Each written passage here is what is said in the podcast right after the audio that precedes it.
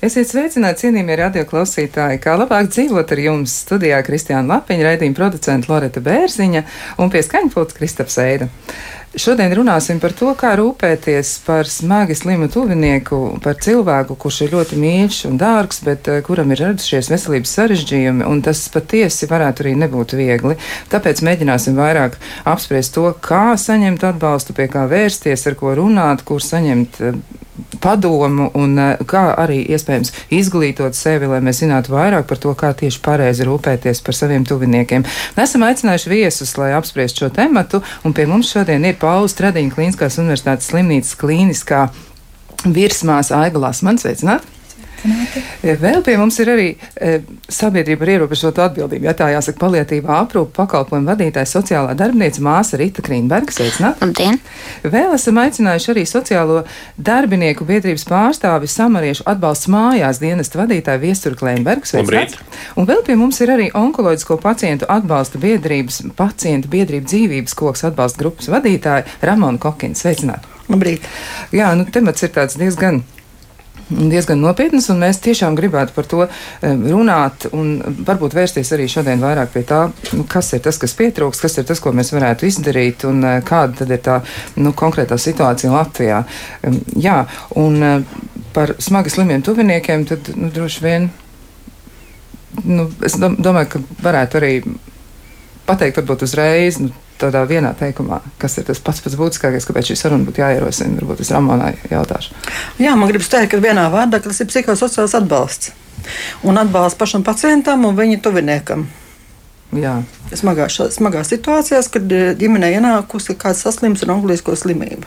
Jā, nu, mēs droši vien paplašināsim šo te tematu, bet um, sāksim sarunu ar uh, vēl kādu ieaicināto viesi, un šajā gadījumā mēs esam sazvanījušies ar Veselības ministrijas veselības aprūpas departamentu ārstniecības kvalitātes nodaļas vadītāju Sanitu Janku. Sveicināti! Mēs, eh, Lab, labrīt! Jā, mēs jūs dzirdam, un tad varbūt mums ir arī nu, tādi uzreiz, mums ir patiesībā tādi būtiski jautājumi, ko mēs vēlētos jums uzdot, e, kad jākopja ir smagi slims tuvinieks. Kādu psiholoģisko palīdzību un, un atbalstu var saņemt šāds cilvēks, kurš ir iesaistījies, kurš ir apņēmies rūpēties par kādu savā ģimenē, un vai pienāks kāda palīdzības forma, vai arī ir kaut kas tāds, par ko mēs varam runāt, ka cilvēkiem tiešām tas ir, ir um, saņemams un, un viņi var šo atbalstu kaut kā gūt? Nu, es gribētu teikt, ka šis jautājums ir jādala divās daļās. Viena daļa tie būtu bērni, pacienti līdz 18 gadiem, un otra daļa tie būtu pieaugušie. Kas attiecas par pieaugušiem, tad šī psihosociāla atbalsta um, onkoloģiskiem pacientiem ir no šī gada onkoloģisko pacientu at, atbalsts psihosociālais, bet tieši uh, Piedarīgajiem šāda atbalsta uz doto brīdi valstī nav valsts atmaksāta. Kas attiecas par bērniem, tad es teiktu, ka bērnu slimnīcas paliatīvās aprūpes kabinetā ir šāda komanda, un šis psihosociālais atbalsts ir ne tikai pašiem bērniem, bet arī viņu ģimenēm, brāļiem, māsām. Tad, kad ir šis smagi slimais pacients, Šī gadījumā ne tikai onkoloģiskais, bet paliatīvi slims pacients, kas ir absolūti neārstējams. Un šis psihosociālais atbalsts ir pieņemt šo situāciju ģimenē, ar šo situāciju sadzīvot, un pēc tam šis dienests, sociālais darbinieks un psihologs strādā arī ar šo ģimeni, tad, kad bērniņš ir miris. Jā, varbūt tomēr arī mazliet atgriežoties pie pieaugušajiem cilvēkiem. Kāds ir tas jūsu redzējums, kam vajadzētu nākotnē mainīties? Un varbūt ir jau kādas iestrādes attiecībā uz šo te, jo pieauguši cilvēki arī ir smagi slimi, un pieauguši cilvēks tieši tāpat ir jāaprūpē, un viņi ir krietni gados, un, nu, cik ir izdevies ievākt informāciju par to, kāda ir situācija, liekas, ka tiešām ļoti pietrūkst gan, gan izglītošanas iespējas būtu nepieciešams, gan arī kādas citas lietas. Kas ir, kas ir tas, ko jūs saredzat? Kas būtu nepieciešams? Nu, mēs eh, saredzam, ka mēs turpināsim šo psihosociālo atbalstu šīm onkoloģiskajām pacientiem. Um, nu, mēs redzam, ka šeit ir vajadzīga arī uh, ciešāka sadarbība ar sociālajiem dienestiem, jo šajos gadījumos ir uh, ne tikai medicīniskā palīdzība nepieciešama, bet nepieciešama arī nu, tīri sociāls atbalsts un iesaistīt arī pašvaldības labklājības ministrijas sociālos darbiniekus. Tad būtu jāstrādā komandā arī. Komandā, jā, jā. tieši šis multiprofesionālais un nu, tīri attālā nākotnē jau ne, bet nākotnē domāts arī par šo hospisu izveidi. Ir plānoti, ka tuvākajos gados varētu būt kāds pilotu projekts, pamēģināt nu, pap, papilotēt, kā tas izskatās, kas ir nepieciešams. Vēl arī tajos gadījumos, kad nu, tie, kas kopj šo smagi slimo pacientu, kad arī viņiem varētu iedot zināmu atelpas brīdi kaut vai pāris dienām. Jā, tas būtu ļoti nepieciešams, jo tas darbs patiesībā ir ļoti, ļoti smags. Un arī studijā esošie kolēģi visticamāk varētu arī sīkāk to raksturot, ko tad īsti nozīmē būt kopā ar smagu slimu tuvinieku. Tas ir nu, reizēm pilnas slodzes darbs, ja tā var teikt. Jo, to mēs visi saprotam, un, un mēs arī šī strādājam, ka tam ir jābūt starpinstitucionālai, ka tur ir iesaistīta ne tikai veselības ministrija, bet arī labklājības ministrija. Un šiem pacientiem nu, Mēs domāsim, kā palīdzēt. Viens no tiem varētu būt šāda hospice izveide. Jautājums ir tikai, vai sāks ar bērniem vai ar pieaugušajiem. Bet katrā gadījumā par šādu uh, ir domāts, nu, ka tādi varētu tikt izveidoti. Paldies jums par, par informāciju un arī jācer, ka nākotnē izdosies risināt šīs nopietnās problēmas arī aktīvi iesaistoties veselības ministrijai. Paldies jums par sarunu! Visu. Izmisuma zonā - paliatīvā medicīna Latvijā. Jā, mēs nu, pat aprunājāmies ar Veselības ministrijas aprūpas departamenta ārstniecības kvalitātes noties vadītāju Sanitu Janku, un viņa teica, ka vairāk ir uzmanības veltīts pagaidām bērniem un pieaugušajiem cilvēkiem, nu, acīm redzot, tik viegli neklājas. Kāda ir jūsu komentāri attiecībā uz šo visu? Jā, kā tas ir? Ja ir, ja ir smagi slims tuvinieks, un tas nav bērns, tas ir pieaudzis cilvēks. Nu, tas ir pieaudzis cilvēks. Pieaudzis cilvēks uh, var būt jebkurā vecumā. Sākot no 18 gadiem, uh, protams, liela daļa šo pacientu ir uh, ar kādu onkoloģisku slimību, bet tie var būt arī pacienti ar, ar kādu neiroloģisku kaiti, ar, ar kardiovaskulārām slimībām slimībām, kam ir nepieciešama tālāka aprūpe. Un tie tuvinieki arī ir krīzē. Viņi ir krīzē, jā, jo uh, tās ir ļoti daudzas lietas, ko ir jānodrošina tālākai aprūpē pacientam. Uh, var būt ļoti dažādi, dažādas šīs medicīniskās vajadzības, eh, ko var iemācīties arī tuvinieki darīt, ko paši pacienti arī nereti iemācās. Bet, uh, tas ir, tas ir vēl daudz citas lietas, vidas nodrošināšana mājās, un iespējams kādam no cilvēkiem vajag 24 stundu klātbūtni. Viņš nav atstājams mājās viens, un, un tā ir milzīga krīze. Jā, man uzreiz arī gribas iesaistīt sarunā ar Romaну Kokinu, kā, kā ir būt ar tuvinieku. Arī ir tādi nu, pieredzes stāsti, bet ir arī tādas nu, ļoti konkrētas lietas, ko droši vien jūs esat sapratuši arī strādājot. Nu, būtībā man šobrīd ir vairāk iznācis šādās situācijās runāt ar tuviniekiem, jo onkoloģijas centrā ir atvērts eh, psihoemocionāla atbalsta centrs. Kā, līdz ar to var nākt arī kā, uz šo centru. Kā, ir paši pacienti, ja viņi var un vēlās atnākt. Bet eh, esmu saskārusies, ka bieži nāk tuvinieki. Un vēl liela problēma ir tā, ka um, tad, kad pienāca tas aprūpas brīdis, kad cilvēki nesaprot tā īsti, ko tad sniedz valsts un ko tad dara pašvaldība šajā, šajā jomā. Jo tās ir divas dažādas lietas. Šobrīd eh, zem paliatīvā saprot daudz un dažādas aprūpas jomas, bet, valsts, bet šobrīd Latvijā pastāv paliatīvās aprūpes nu, gultas grupas, vai gribas pat teikt, vai joma un sociālās aprūpes.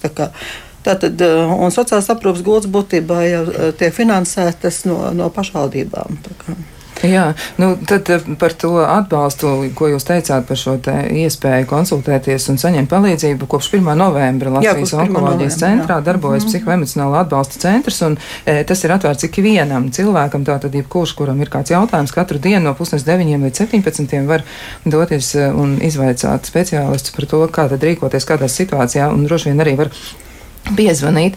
Bet jūs teicāt par pašvaldību savas atbalsta formas un, un nu, kādas tās varētu būt? Kas ir tas, ar ko cilvēks varētu rēķināties? Jo, ja ir šis tuvinieks, tad ir, viņš ir smagi slims, man par viņu ir jārūpējas, man vienlaiks arī ir jāiet uz darbu, jārūpējas arī par ģimeni tālāk. Kas, kas, ko es varu? Nu jā, nu es varētu bilst, ka, protams, ka veselības ministrija iezīmēja to, ka ļoti svarīgs ir šis sadarbības aspekts. Mēs kaut kā vienmēr arī Un arī teiksim, šobrīd nu, publiskajā sabiedriskajā telpā mēs visu laiku runājam par paliatīvo aprūpi. Mēs runājam vairāk par paliatīvo aprūpi, mēs runājam vairāk par onkoloģiju, bet uh, tā aprūpe, gan sociāla aprūpe, gan veselības aprūpe patiesībā ir vajadzīga uh, ļoti bieži. Varbūt tās nevis tīri paliatīvās aprūpes uh, pacientam, kā teikt, šeit medicīnas profesionāli, bet arī vienkārši veciem cilvēkiem, kuri sava vecuma dēļ ir zaudējuši savas funkcionālas spējas, un tad viņiem ir vajadzīga varbūt varbūt ne tik daudz šī medicīniskā aprūpe, arī kā, kā sociālā aprūpe. Daļai no viņiem tas kombinējas, viņiem vajadzīga gan viena, gan otra. Un te ir, te ir tas stāsts, ka par medicīnisko veselības aprūpu mums valstī atbild tātad veselības ministrija, un tas ir valsts kā groziņš, un šeit ir ļoti svarīga sadarbības forma tieši ar ģimenes ārstiem un, un ar, arī ar ārstējošiem ārstiem, kāda veida šo medicīnisko aprūpu viņiem nozīmē mājās. Un, protams, nu, sociālā aprūpa. Sociālā aprūpa savukārt savukārt atbild pašvaldības. Un, te es teiktu tā, ka tas, ko es redzu arī tajā praksē, Uh, protams, mums likums nosaka to, ka cilvēkam, kuram jāaprūpē mājās savs tuvnieks, viņam pienāks gan psiholoģisks atbalsts, gan, gan pašvaldībai arī kaut vai ir, ja viņi paši mācās, jā, jāmēģina palīdzēt apmācīt, vai jārada iespēja, kā var uh, apmācīt šo te, uh, tuvinieku kopt. Nu, un arī, protams, pašvaldībai pienākums, ja tas ir nepieciešams, sniegt materiālo atbalstu vai arī uh, nodrošināt šo pakalpojumu. Un tas, ko es ļoti bieži redzu praksē, ir tas, ka mums Latvijā cilvēki uh, mēģina cīnīties paši bieži vien. Uh, viņi pat neaiziet uz sociālo dienestu, jo varbūt tā arī kādreiz liekas tāda, tā kā, nezinu, stigma, ka uz sociālo dienestu var iet tikai tie, kam ir galīgi, galīgi slikti jau pavisam. Ja? Bet es teiktu tā, ka lielākajā daļā Latvijas pašvaldību tomēr aprūpe mājās ir pieejama, vismaz sociālā aprūpe mājās. Nav visās, godīgi sakot, diemžēl, bet lielākajā daļā ir. Un, uh, un attiecīgi, tad vēršoties sociālajā dienestā, ir iespēja šo sociālo aprūpi saņemt, vai arī saņemt citu veidu atbalstu. Uh, ja, piemēram, tuvinieks grib ko pats savu ģimenes locekli, ja, tad iespējams var saņemt materiālu atbalstu. Es arī, nu, teiksim, kā samariešu apvienībā strādājot ikdienā, nodrošinot aprūpas mājās pakalpojumu, tad es varu pateikt, ka mums ir arī bieži ir situācijas, ka uh, cilvēki, kuri grib paši kā, kopt, viņi, nu, viņi sazvanās ar mums, un, un tad mūsu darbinieki aiziet, piemēram, apmāca, nokonsultē par, par nelielu atlīdzību, protams, gan tas notiek, ja, jo mums arī darbiniekiem jāmaksā. Ir, uh, konsultē, kā aprūpēt, kā, kā, kā darboties, kā grozīt vai, vai, vai, vai pozicionēt vēl veco cilvēku vai, vai slimo cilvēku. Uh, nu, arī, mēs arī Latvijas samariešu apvienībā esam izveidojuši tādu mājaslapu, uh, prasta palīdzēt .lv, kur patiesībā arī ieejot var gan par pirmās palīdzības jautājumiem, viena sadaļa ir un otra sadaļa tieši par aprūpi. Un, un tur ir iespējas arī iepazīties ar lietām, nu, kas cilvēkam, kurš aprūpē tuvinieku mājās, būtu vajadzīgs zināt. Tas jā. nozīmē, ka jebkurš cilvēks prasa palīdzēt, .lv. Prasa palīdzēt, .lv, jā, un tur ir atsevišķas sadaļas gan par vispārējo veselības stāvokli, gan par izgulējumiem, gan par uh, mazgāšanu, kā tas jādara pareizi, uh, gan par cilvēku grozīšanu, pozicionēšanu tā, lai sevi nesatraumē. Jo tas trakākais, kas notiek, manuprāt, uh, Latvijā ir bieži vien tas, ka tuvinieki paši uzņemas. Uh, Un ne jau nu, jā, nu viņa labi gribēdam uzņems un, un, un, un, un dara to, un tas viss ir pareizi. Mums ir jārūpējas par saviem tuviniekiem, bet bieži vien uh, tam ir tādas nelāgas sekas. Es redzu divas sliktas sekas. Ir, viens ir šie tuvinieki sabojā savu veselības stāvokli paši, jo viņi nemāķi īsti to darīt tajā brīdī, kad tas cilvēks ir pavisam vārgs un guļošs, un viņi sabojā savu veselību. Un otra lieta ir tas, ka uh, bieži vien, uh, un tas īpaši ir uh, cilvēkiem pirmspensijas vecumā, ka viņi rūpējoties par saviem tuviniekiem aiziet no sava darba. Viņi izkrīt no darba aprites, un tad, kad jau šis tuvinieks, vecāks, vecāks ir aizgājis viņa saulē, un viņš paliek viens pats, viņš vairs netiek apakaļ darbā tajā dunā, ir nevar iekļauties vairāk nodarbinātības pasākumos. Un, un tad ir tā, ka, diemžēl, nu, arī šī mērķa grupa pēc tam dzīvo diezgan lielā nabadzībā. Un tas, manuprāt, ir nu, diezgan satraucošs fakts. Un, un, un, un to nu, vajadzētu mēģināt kaut kādā veidā novērst. Tomēr. Un, uh, es domāju, ka viens no veidiem, kā novērst to, ir tomēr, lai arī tu gribi pats visām varēm kopt vai, vai iesaistīties, ir tomēr vērsties sociālajā dienestā, runāt ar sociālajiem darbiniekiem un saprast, kas ir tā labākā forma, labākais veids, kā savam tuviniekam to atbalstu sniegt. Nu, tad pirmais solis varētu būt saistīšanās gan ar ģimenes ārstu, gan sociālo dienestu. Tas varētu būt kaut kas tāds, kas. Noteikti varētu palīdzēt, bet man arī gribētos jautāt nu, cilvēkiem, kas ikdienā strādā ar ļoti smagiem pacientiem. Nu, jūs atšķiraties ar to, ka pirmkārt jums ir profesionālās zināšanas, jūs esat izglītots šajā jomā, jūs, jūs zinat, ko darīt, jums ir arī aprīkojums pieejams, tas, nu, tas atšķiras tomēr no situācijas mājās. Bet kas ir tas, ko jūs teiktu, kas ir tās būtiskākās lietas, kas būtu jāņem vērā, ja mēs gribam aprūpēt savu tuvinieku, un kā mēs jau dzirdējām, tur pastāv daudz dažādu riski. Kas ir tas, ko jūs teiktu? Jūs domājat, kas jāņem vērā? Jā, kas jāņem vērā, ar ko būtu jārēķinās. Pirms cilvēks izlēma, ka viņš pats uzņemsies šo atbildību, viņš pats iesaistīsies aprūpē, ar ko viņam vajadzētu rēķināties, kas būtu jāapsver.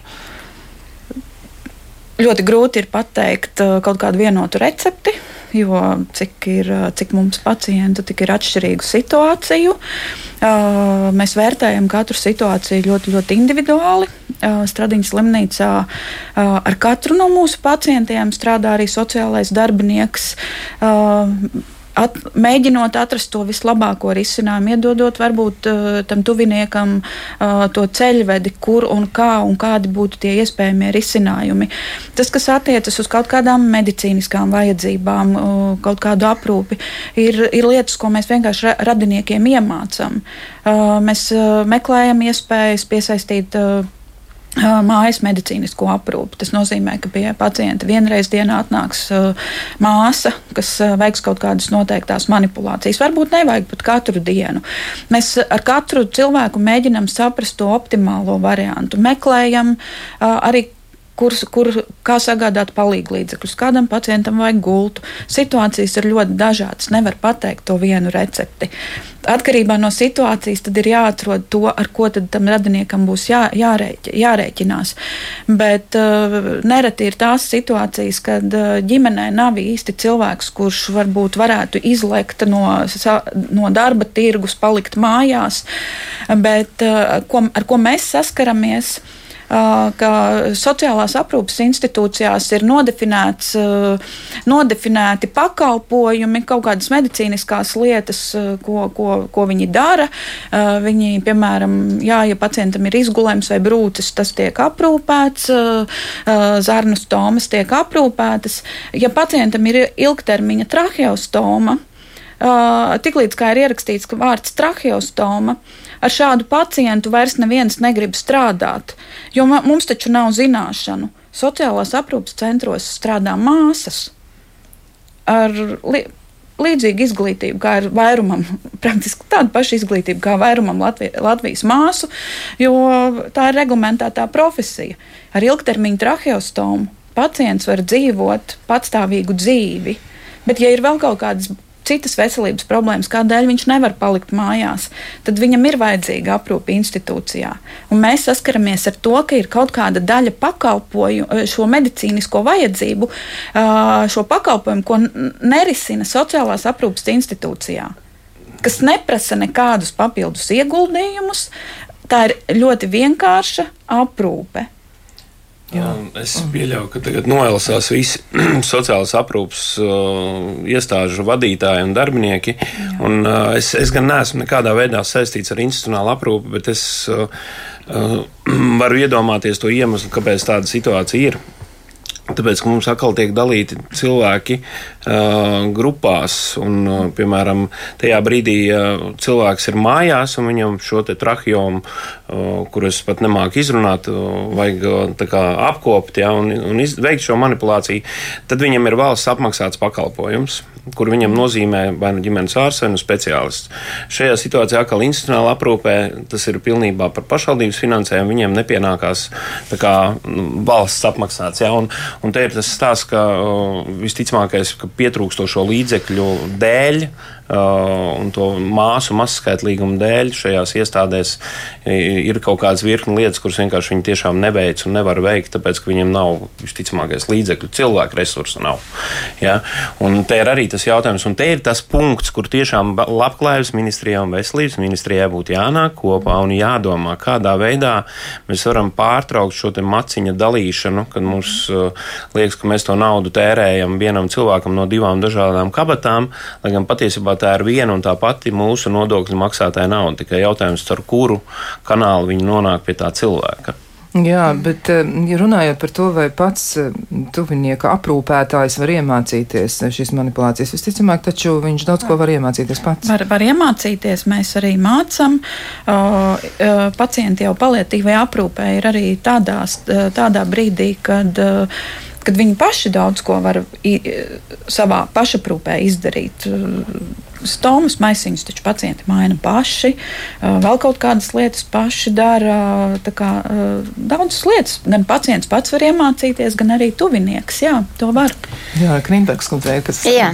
Man ir sakāms, gan mēs te visu laiku runājam par palietīvais pacients, palietīvais pacients, bet īstenībā ir tā, tad, kad uh, tiek, ir noticis šis te gadījums, ja cilvēks ir saslims un mēs zinām, ka atpakaļējā ceļa nav, tad tā ir ļoti liela problēma radiniekiem. Ja, jo tik tiešām, kā viesturs minēja, tad iznāk tā, ka cilvēkam ir uh, jāmaina savus dzīves ritms, ja, un uh, viņš izkrīt no darba ritmā ārā. Un, uh, ok, ne visi arī radinieki ir mediķi un ne visi ir spējīgi izdarīt šādas vai tādas manipulācijas, jo šis te pats klients, jeb pacients, jeb cilvēks, viņš pats visdrīzāk nevar, jo viņš ir pats aprūpējams, viņš ir guļošs un viņš ir grozāms, pozicionējams ik pēc divām stundām.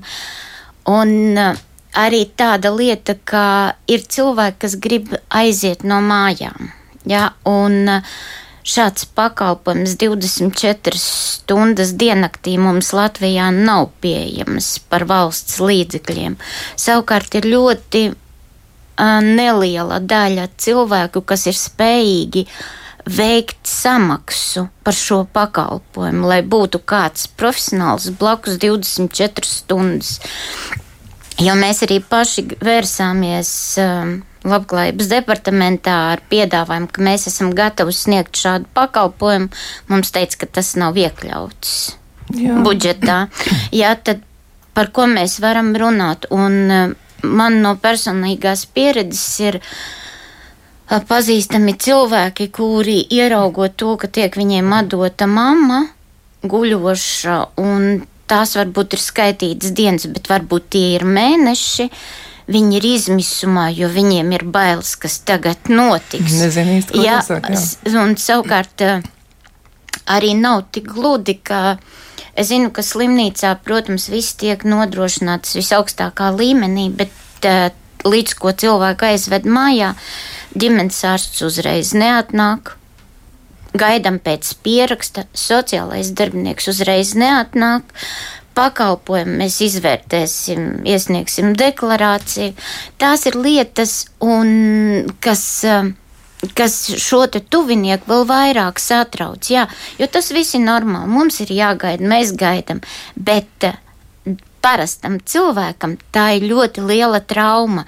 Viņš Jā. baidās par darbu, viņš, viņš baidās, kas notiks, viņš baidās, kas pieskatīs viņa tuvinieku, par kādiem līdzekļiem tas viss notiks, kad atnāks ģimenes ārsts, kad atnāks sociālais darbinieks. Un, Jā. un kas būs? Un kas būs? Bet mums ir kāds klausītājs piezvanījis, mēģināsim noskaidrot, kas ir uz sirds. Sveicināt, mēs klausāmies! Labrīt! Es domāju, pirmkārt, noteikti katrs gribētu kopt savu tuvinieku mājās. Un šo apkalpošanu mājās tiešām vajadzētu nodrošināt un atbalstīt no valsts. Jo ar ko saskarās tuvinieku kopējs? Tā tiešām ir vesela darba slodze un tā ir diennakts aprūpe. Bet ša, ja šī brīdī nav iespējams no valsts apmaksāt šos pakalpojumus un maksāt tieši pacienta un tuvinieka kopējam, es domāju, to pirmkārt vajadzētu risināt, lai tuvinieks varētu atrasties mājās un tikt apkopts mājās, jo mēs zinām, ka pansionātos nevar nodrošināt normālu apkopšanu valstī, jo bija pansionāts rauda, visu laiku radio izskan, ka nav iespējams nodrošināt normālu kopšanu pansionātos, jo ir personāla trūkums ir dažādas tehniskas rakstura problēmas, un tiem cilvēkiem, kas patiešām grib kopt savu tuvinieku mājās, nemaksā. Un arī pansionātos nav kas strādā, jo valsts nespēja nodrošināt apmaksu. Tas beig beigās šo jautājumu tiešām vajadzētu risināt iesaistoties arī ministrijām, jo kurš tuvinieks gribēs atstāt savu radu tuvinieku vai, vai kādu aprūpējumu cilvēkam vēlās palīdzēt pansionātā. Un es domāju, ka šobrīd tiešām tas ir ļoti tāds sasāpējis jautājums, kad pirmkārt ir jāgrib kopt tuvinieks mājās un to var izsināt un palīdzēt arī apmācīt šo darbu. Noteikti ļoti daudz cilvēku vēlētos to darīt, jo pastāv milzīga bezdarba problēma. Ja? Un tiešām, kas vēlās apkūp, aprūpēt tuvinieku mājās, tas būtu iespējams. Tikai vajadzētu Jā. risināt visus šos jautājumus, un tad arī katrs tuvinieks varētu atrasties mājās labestīgā atmosfērā un tikt aprūpēts. Paldies! Paldies, paldies, paldies par viedokli, jā, bet eh, mēs šo sarunu par to, kā rūpēties par slimu tuvinieku un par ļoti mīļu cilvēku, mēs turpināsim šo sarunu pēc brīža. Mēs esam atpakaļ studijā, un mēs turpinām sarunu par to, kā ir jārīkojas tajās situācijās, kad kāds no ģimenes ir ļoti smagi saslimis un kā mums e, mēģināt parūpēties par saviem tuviniekiem un kā tikt galā ar grūtajām situācijām. Un uh, mazliet aizkadrā apspriežot šīs lietas, mēs jau secinājām, ka ir diezgan daudz dažādu problēmu un arī klausītāji, kur ir iesaistījušies sarunā, arī saka, ka tur ir diezgan daudz uh, lietu, par ko domāt. Bet mēs esam sazvanījuši vēl kādu um, iesaistīto viesi, tā teikt, kurš uh, šajā gadījumā ir Rīgas Austrumklīniskās universitātes slimnīcas onkoloģijas pakalpojumu vadības virsārste Baiba Steinerte. Sveicināti! Labdien! Mēs gribētu uz, uzdot jums eh, dažus jautājumus. Kāds ir jūsu viedoklis par to, kāda ir situācija šobrīd eh, Latvijā un kas ir tas, ko varētu ieteikt tuviniekiem, kuri nu, cītīgi mēģina rūpēties paši par saviem, um, saviem tuviniekiem, kuri ir uzņēmušies šo slogu, kuri mēģina ar to tikt galā. Un varbūt tas pat nav sloks, varbūt tās ir vienkārši rūpes, bet kas ir tas, kas būtu jums par to sakāms? Kāda ir jūsu novērojuma, jūsu ieteikumi, jūsu padomi?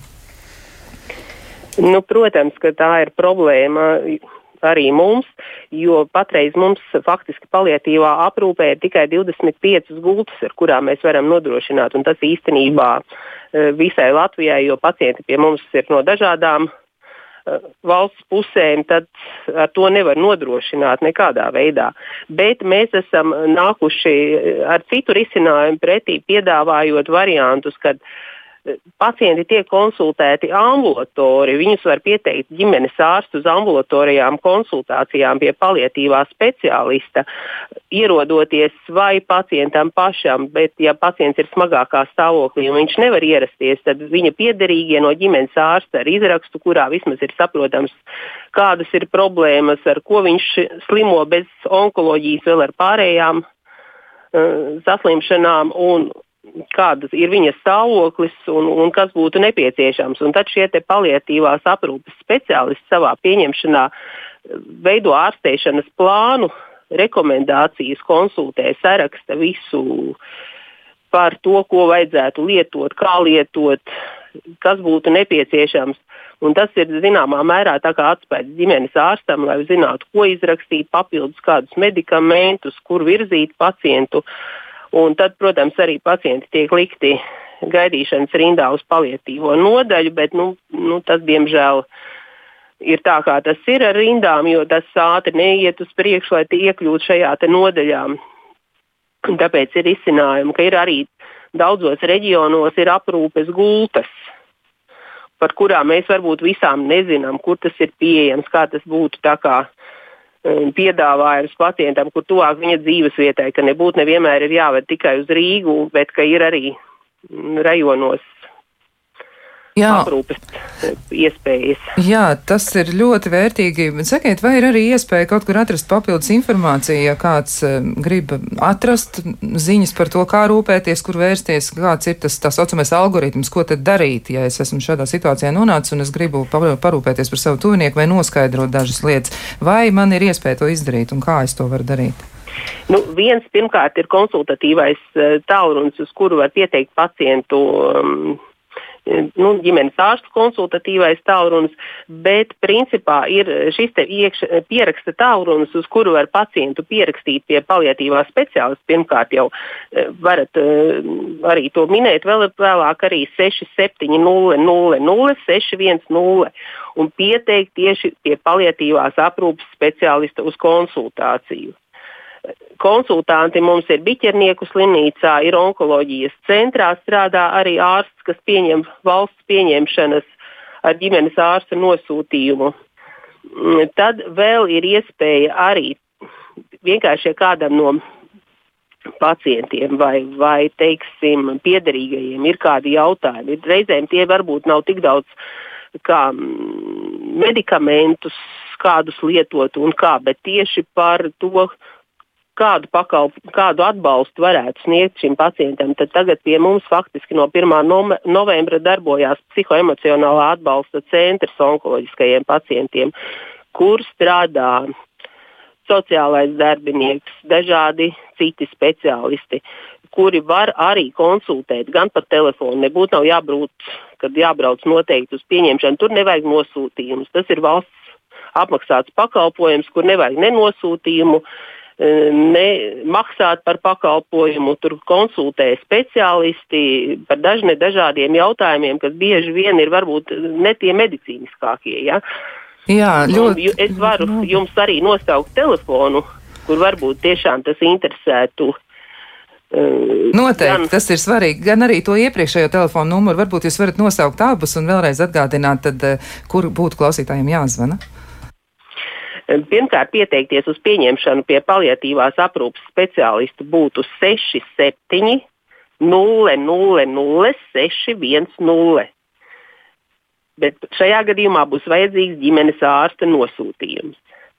Bet uz telefonu psihoemocionālā atbalsta centrā var zvanīt 67 04 0830 no pulkstenes 9 līdz pulkstenes 17. Tur vienmēr būs kāds cilvēks, kas pacels telefonu un ar kuru var komunicēt un skaidrot dažādus jautājumus. Lielas paldies jums par informāciju. Tiešām ļoti noderīga padoma un arī vērtīgas ziņas par to, kā tad var risināt kādas problēmas un kur arī var vērsties, lai noskaidrotu mm, sev svarīgos jautājumus. Paldies jums par sarunu. E, paldies tiešām par iesaistīšanos. Un mēs nu pat aprunājāmies ar Rīgas Austrum Kliniskās Universitātes slimnīcas onkoloģijas pakalpojumu vadības virsārsti Baibu Šteinerti. Un tad griežoties pie tuviniekiem un pie tuvinieku izjūtām, e, klausītāji arī raksta, ka tas nav neviegli, nevienkārši vienkārši. E, Laima raksta, esmu kopus savus vecākus trīs gadus, kas bija slimi un guloši aizejot no darba. Un kāpēc nav padomāts par šiem cilvēkiem, kas kopī? Šis laiks bija ļoti smags. Esmu pati pirmsvencijas vecumā, un tagad vairs darbu nevar atrast. Un, e, kāpēc to laiku pavadīju kopā ar vecākiem? Nu, tas ir laikam nu, tāds jautājums, uz ko nav iespējams atbildēt citādi. Vismaz Laima ir izlēmusi, ka viņa tā darīs, un viņa nesaņem arī tajā brīdī, tātad cilvēks nesaņem ienākums. Un kāpēc? Un tas ir viņas jautājums, kāpēc to nevarētu ieskaitīt darba stāvā gāžā, ja tad vajadzētu būt kaut kādiem risinājumiem. Jā, nu tas, ko es arī saistībā ar iepriekšējo zvanītāju gribu teikt, ka uh, nu, Rekurlaimas gadījums arī apstiprina to, ko es iepriekš arī teicu, ka tā problēma jau ir tajā, ka mēs, var, mēs ļoti var, varam gribēt rūpēties par saviem tuviniekiem, bet uh, tam ir kaut kādas sekas, un tam sekas, kas mēdz būt diva veida sekas, ko mēs arī ikdienā redzam, arī aprūpējot savus uh, seniorus, ir viens, ka uh, tuvinieks, ja viņš nemāk profesionāli, nu, viņš, un viņš arī nevar mācīt profesionāli, bet ja viņš virkni lietas nemāk darīt, tad uh, tas sekas bieži vien ir uh, skaudras, tāpēc mums bieži vien pansionātos un slimnīcās nonāk cilvēki ļoti sliktā stāvoklī. Es ne, nepārmetu noteikti tuviniekiem, kur grib darīt labu, bet uh, es teiktu tomēr tā, ka labāk ir paļauties uz profesionāliem aprūpētājiem, uz profesionāļiem, kuri var kaut vai vismaz dienas laikā nākt aprūpēties. Nav jāpamet darbs. Mums tāpat par to tuvinieku vajadzēs rūpēties gan no rīta, gan vakarā. Mums ļoti daudz tādu aprūpējumu senioru, nu, piemēram, ja mēs runājam tieši par sociālo aprūpu senioru, kur, kur sociālais aprūpētājs nāk pa dienu, tad, kad tuvinieki nav mājās, kad viņš ir darbā. Tas ir labākais variants, jo tad ir nu, pirmkārt profesionāla aprūpe, otrkārt nu, tas cilvēks, tuvinieks, pilnībā neizdeg. Jā, tā ir problēma. Protams, ka atkal no, no valsts viedokļa es arī esmu par to daudz domājis, un es domāju, ka šeit būtu arī svarīgi labklājības ministrijai padomāt kopā, nu, varbūt arī ar veselības ministriju, ka jā, mums redz, tad, kad bērns saslimst, mēs varam paņemt darba nespējas lapu, bet tad, kad mūsu tuvinieks nonāk, kurš ir jau pilngadīgs, nonāk kritiskā situācijā, un bieži vien tā situācija ir tāda, ka cilvēks nonāk slimnīcā, tur ir kaut kāda nedēļa slimnīcā, tad piekdienas vakarā izrādās, ka viņa raksta ārā, bet viņš ir pilnīgi kopjams.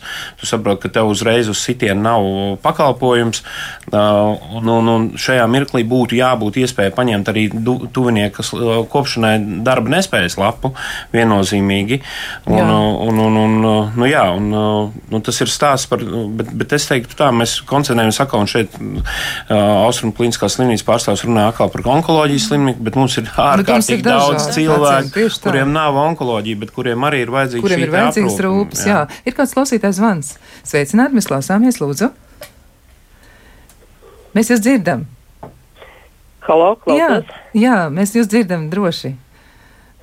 Nu, es nezinu, es, es ne, nezinu, kāds jautājums ir no jūsu puses. Laikam, laikam mums kaut kāds eh, misēklis neliels ir sanācis, bet um, turpinot mūsu sarunu, to, ko jūs teicāt par, um, par šo te visu, tad um, kā ir ar citiem pacientiem? Kā ir ar tiem pacientiem, kuriem ir cita veida saslimšanas? Kas ir tas, ko jūs uzskatāt par tādu būtiskāko risku, ar ko saskars tuvinieki, ja viņi ir izvēlējušies kopt savu ģimenes locekli? Varbūt. Ne, nu, jā, nu redz, te viss liela daļa specializējas uz onkoloģiju. Ja. Uh, es gribu teikt tā, ka, ja mēs runājam tiešām par vecu, slimu cilvēku, vai arī vienkārši slimu cilvēku aprūpi, kuriem ir funkcionālas, funkcionālas spējas zudušas, tad atkal jau, kā jau šeit kolēģi teica, ir divas lietas. Viens ir tas, kas ir vajadzīgs no veselības aprūpas un medicīniskās aprūpas viedokļa, ja šim cilvēkam vai tā ir atsāpināšana, kas pie paliatīvās aprūpas vai, vai kaut kādas citas manipulācijas, ja, to tad nāk ar nosūtījumu, ģimenes ārsta nosūtījumu vai speciālistu nosūtījumu nāk veikt šo medicīnisko aprūpu mājās. Savukārt, ja mēs runājam par šo sociālās aprūpas sadaļu, ka tas cilvēks funkcionālās spējas zaudējis, to nodrošina sociālais dienests cilvēki vēršas sociālajā dienestā, un es saku, nu nebaidieties, mīļie cilvēki, vērsties sociālajā dienestā pēc palīdzības, tāpēc, ka mums vienmēr liekas, ah, nu es jau neesmu galīgs nabaks, man nav jāiet uz sociālo dienestu. Nu tā nav. Uh, ir dažādi šie atbalsta veidi da, pašvaldībās, bet es varu pateikt un uzsvērt, ka, piemēram, ja mēs paskatāmies uz aprūpas mājās pakalpojumu, tas ir vienīgais pakalpojums, sociālais pakalpojums, uz kuru nav rinda. Jā. Ja? Tātad viņu principā ir iespēja saņemt nekveicus. Un, ja mēs runājam šeit par tuviniekiem, tad bieži vien ir situācija, ka tie vecie cilvēki vai slimi cilvēki nonāk, viņi, kuriem nav tuvinieku vispār, un viņus piekdienas vakarā izraksta ārā no slimnīcas. Es teiktu tā, ka uh, tomēr sociālai darbinieki, sadarbojoties ar slimnīcas sociālajiem darbiniekiem, sadarbojoties ar aprūpas mājās pakalpojumu sniedzējiem, atrod tomēr arī veidu, kā nodrošināt šo aprūpu tiem cilvēkiem. Viņi atrod. Tātad to var atrast arī, nu, vēršoties sociālajā dienestā, arī tuvinieks. Jā, ir vēl kāds klausītājs zvans. Sveicināti, mēs klausāmies! Es zvanu no Liepājas. Liepājā ar 1. janvāri tiek likvidēta slimnīca, piejūras slimnīca, kurā ārstējās gan psihiski slimi slimnieki, gan arī paliatīvās aprūpas slimnieki, kur bija lieliskas telpas, lieliski speciālisti, aparatūras. Tagad tiek likvidētas. Kur šie slimnieki paliks? Šeit ārstējās ne tikai no Liepājas, bet no rajona, no tuvējās apkārtnes. Tiesa, slimnīca atrodas ļoti labā stāvoklī, tuvu pie jūras, labā stāvoklī, kā es teicu. Vai to kāds ir iekār, iekārojis šīs telpas, vai arī ministrija pavisam nedomā, kur šie slimnieki paliks. It Jā, paldies. Tāds ļoti emocionāls vēstījums um, par, par slimnīcas, um, tā teikt, statusa maiņu vai arī, vai arī kādiem lēmumiem, kas ir pieņemti attiecībā uz to visu. Jā, tas tiešām varētu būt sarežģīti, ja nav pacientiem pieeja nu, teiksim, veselības aprūpas iestādē. Ir arī klausītāji atzīmējuši, ka Rīgā jau ir kādas iespējas, bet ko darīt laukos, un bieži vien pat ģimenes ārsts nav sasniedzams. Un, un klausītājiem droši vien ir taisnība. Dažos gadījumos tas tā varētu arī būt diezgan sarežģīti, bet iedrošinājums ir par sociālo dienestu vērsties pie sociālā dienesta. Kas ir tas, ko jūs teikt arī no tās savas profesionālās prakses, kā, kā praktizējošas māsas, kā cilvēki, kas ir blakus, kas ļoti daudz par to zina? Man, man gribētos, lai jūs pastāstat klausītājiem, par ko viņiem vajadzētu domāt, par izdegšanas risku viņiem ir jāraizējas. Kas ir tas, kas viņus varētu apdraudēt, ja viņi pieņem šo lēmumu? Jo mēs sapratām, ka ir kam piezvanīt, ir, ir kur vērsties. Sociālais dienas tiešām ļoti labi, ir arī šie te mm, atbalsta telefoni, tur var noteikti konsultēties, bet ko vajadzētu ņemt vērā? Pilnīgi noteikti. Nu, pirmais noteikti vajadzētu ņemt vērā to, ka darbiniekam, kurš iet, uh, iet pie šī aprūpējumā, viņam noteikti būtu pirmais jāsāk strādāt ar tuvinieku. Tuvinieku jāinformē, kas, kas notiek, ko mēs darīsim, kāpēc mēs darīsim un kādas varētu arī būt sekas. Jo, ja aprūpēs pats tuvinieks, tad, tad tas nav īsti labi, viņš izdeg. Un arī no ētikas viedokļa, ja pat ķirurgs neoperē savu tuvinieku, tāpēc, kad ir šis žēlas, žēluma moments, un arī tuvinieks to uztver daudz savādāk. Viņš vienmēr teiks, ka viņš netiek aprūpēts, īpaši domās, ka viņš netiek aprūpēts tā, kā viņš ir jāaprūpē. Savukārt, ja tuvinieks būs 24 stundas, 7 reizes septiņas dienas visu laiku tikai ar savu šo cilvēku un skatīsies uz to, kas notiks. Pēc kāda laika viņš pats var kļūt par šo te pašu cilvēku, kas būs izdedzis, tukšs kā čauliņa, noguris, pārguris. Tas ir ļoti svarīgi. Ja mēs runājam par to par paliatīvām gultām, tad mana pieredze rāda to, ka arī nogādāšana šī te guļošā cilvēka uz palietīvo nodaļu ir apgrūtinoši, jo viņš ir jātransportē, un eh, šī te transportēšana arī izmaksā līdzekļus. Uh, uh, tad nākamais ir iespējams, protams, uh, ka mums ir jābūt gataviem, ja mēs runājam par palietīviem pacientiem, tad tās ir tomēr tas ir laika sprīdis, kas mums ir atvēlēts būt kopā. Un pats svarīgākais, ar ko mums jāsastverās, jāsaskarās, tā ir nāve, jeb aiziešana. Um, ja ar to strādā profesionāls, viņš zina, kurā momentā ko un kā darīt, kāds ir rīcības plāns, kam zvanīt, ko, ko, ko informēt, kā rīkoties ar šo cilvēku. Jo Eh, tuviniekam ir vajadzīgs tajā momentā ļoti liels atbalsts. Ja? Un arī tas sēru periods, arī par to būtu īstenībā jādomā un jāatbalsta šie tuvinieki, tāpēc, kad, nu jā, palietīvais pacients ir aizgājis, un kas tālāk notiek ar cilvēkiem? Ja, jo mēs zinām, kāds ir sēru periods. Arī tad būtu vajadzīgs atbalsts tuviniekiem. Tātad darbs ar cilvēkiem pēc tam. Un, uh, visā šajā ļoti svarīgi būtu nodrošināt šo komandas sadarbību. Ja, ja būtu speciālisti, jā, protams, slimnīca, sociālie darbinieki, ģimenes ārsts, māsiņa, aprūpētāji atbalsta visas šīs institūcijas tad arī vieglāk būtu visu to izturēt. Jā, tuviniekam. Tad jārēķinās ar daudzām lietām, bet arī ļoti vērtīgi padomi kaut vai vērsties eh, par, par, mm. par nāvi runāt. Tas, tas varētu būt ļoti sarežģīti, ļoti, ļoti grūti. Man gribētos jautāt eh, Ramonai Kokinai, kā ir ar atbalstu eh, jūsu biedrība, ko, ko var dot cilvēkiem, kas ir tas, ko jūs darāt, lai viņiem būtu vieglāk? Nu, jāsaka, tā, ka mēs darām daudzas un dažādas lietas, jo mūsu darbs vairāk saistās ar tādu rehabilitāciju patiesībā. Tā un, jāsaka, tā, ka eh, mums ir laba sadarbība kā ar Labklājības ministriju, tā arī Veselības ministriju. Kā, un, uh, mums ir onkoloģijas pacientu psihosociāla atbalsta rehabilitācijas programmas jau divus gadus kopš apmaksāts no valsts budžeta līdzekļiem, tātad caur labklājības ministriju. Un tur arī, tur arī iespēja braukt, ierasties uz šīm programmām ar tuvinieku. Tātad. Tad, var tuvinieks arī Jā, būt tuvinieks var būt, blakus. vai tas ir laulātais, vai tas ir tie var būt bērni, vai arī vecāki. Tā kā vienu tuvinieku var noteikti var ņemt līdzi, kā, un arī ar viņiem tad šajās nometnēs tiek strādāts. Jā, ļoti, ļoti laba lieta. Man vēl gribās teikt, ka arī dzīves koks izveidojas reģionālās atbalsta grupas. Tātad mums ir Ventspilī, Liepājā, um, Bauskā, uh, šobrīd arī Valmierā pavisam nesen tika izveidota. Nu, Rīgā es astoņus gadus vadu atbalsta grupas, tātad pašā dzīves kokā Mēnca lielā 13.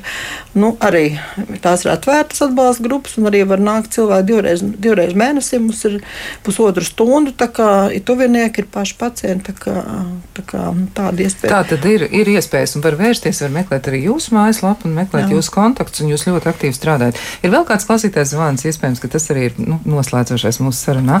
Sveicināti, mēs klausāmies! Labrīt! Es jau 9 gadus, 24 stundas diennaktī, 365 dienas gadā, 9 gadus. Darba stāsts un pensija man nebūs. Es aprūpēju savu mammīti. Slima kopšana ir jau tāda, ka pacienti nevar pati neko izdarīt. Un es viņus aprūpēju, ja? un tagad par šo laiku man nebūs ne darba stāsts, ne pensija būs izpelnīta. Ja? Un kur nu vēl te runāt par iztikšanas sindromu, un es rūpējos par savu mammīti, bet tie ir 9 gadi.